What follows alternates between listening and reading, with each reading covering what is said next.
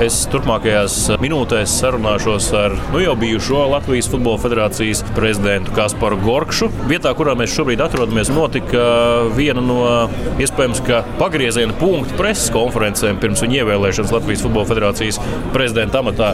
Sveiks, Kaspar! Sveicināts! Kā tev ir ar uh, vārdu salikumu Latvijas Futbola Federācija? Šobrīd, kad to piemin, tev uzmetas skudriņas uz muguras vai riebums. Kas tas ir šobrīd? Ar kādām emocijām tu uztver to, kas tiek runāts un rakstīts par un ap Latvijas Futbola Federāciju, ka tu vairs neesi iesaistīts tās darbā tieši? Es pieeju šim jautājumam ļoti praktiski. Uh, es ar pastiprinātu uzmanību sekoju līdzi tiem procesiem, kurus izdevās uzsākt. Un, uh, nemainās jau tā lieta, ka nu, futbols tā vienmēr ir bijusi mana mīļā nodarbe, un tā ir arī tas ir sports veids, kuram es vienmēr pastiprināti sekošu. Arī paudīšu savu viedokli, ja tas, kas notiek Futbola federācijā, ir nepieņemams no manas ētikas prizmas skatoties vai no maniem kaut kādiem principiem. Un tagad šķiet, ar pēdējiem notikumiem un tas, kā tev tika palūgts aiziet no Futbola federācijas, tomēr tev mundieri ir aptraipījis. Daudz cilvēku tev vairs neatceras kā to labo futbola izlases kapteini, bet atceras kā laikam neizdevušos federācijas vadītāju. Kā tu uztver to?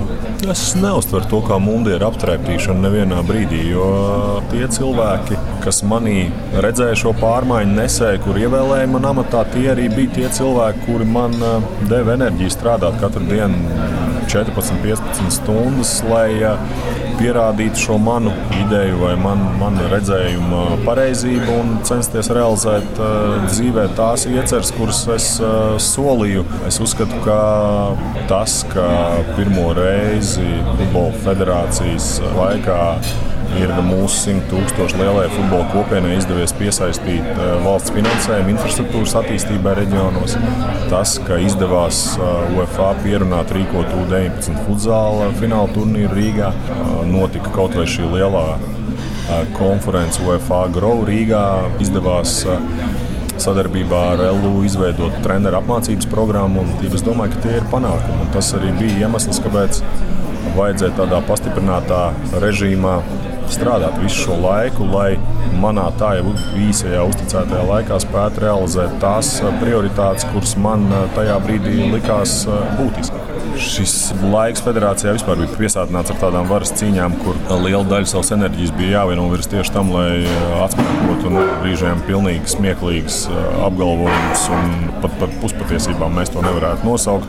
Kurā nu, mašīnā tu brauc uz Daugopilu un tam līdzīgi?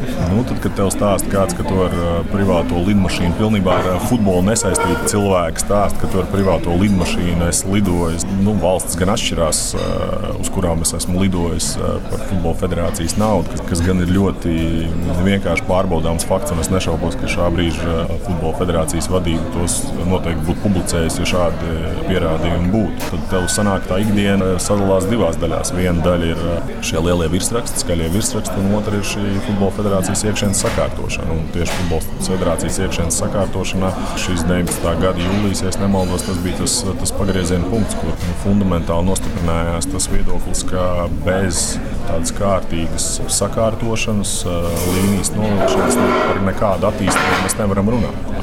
Jo, ja mēs ejam runāt par valsts finansējumu un mēs nemaksājam nodokļus, ja mēs slēdzam līgumus ar fiktīvu līgumu pazīmēm ar saviem radiniekiem, nu, tā nav reputācija, ar kuru būtu viegli iegūt kaut kādu uzticamību valsts pašvaldību līmenī.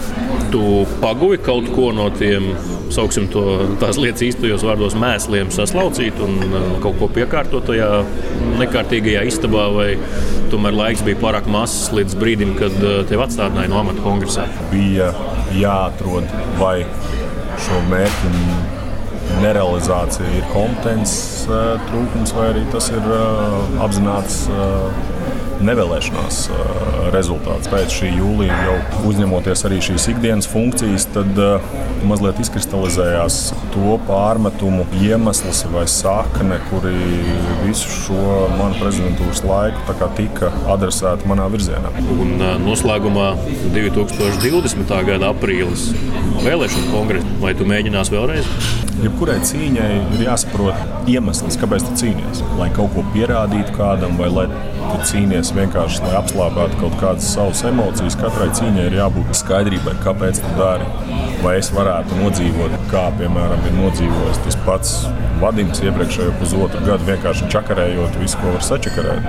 Es domāju, ka tā noteikti nav mana ambīcija. Es negribu darīt kaut ko vienkārši cīnoties par kaut ko īsti pat vairs neizprotot, kas ir šis mērķis. Bet, ja nu tu pēkšņi atrodi to mērķi līdz aprīlim, kategoriski mēs zinām, ka izslēgt neko mēs nevaram. Sports un futbols tas paliks man liela ikdienas sastāvdaļa.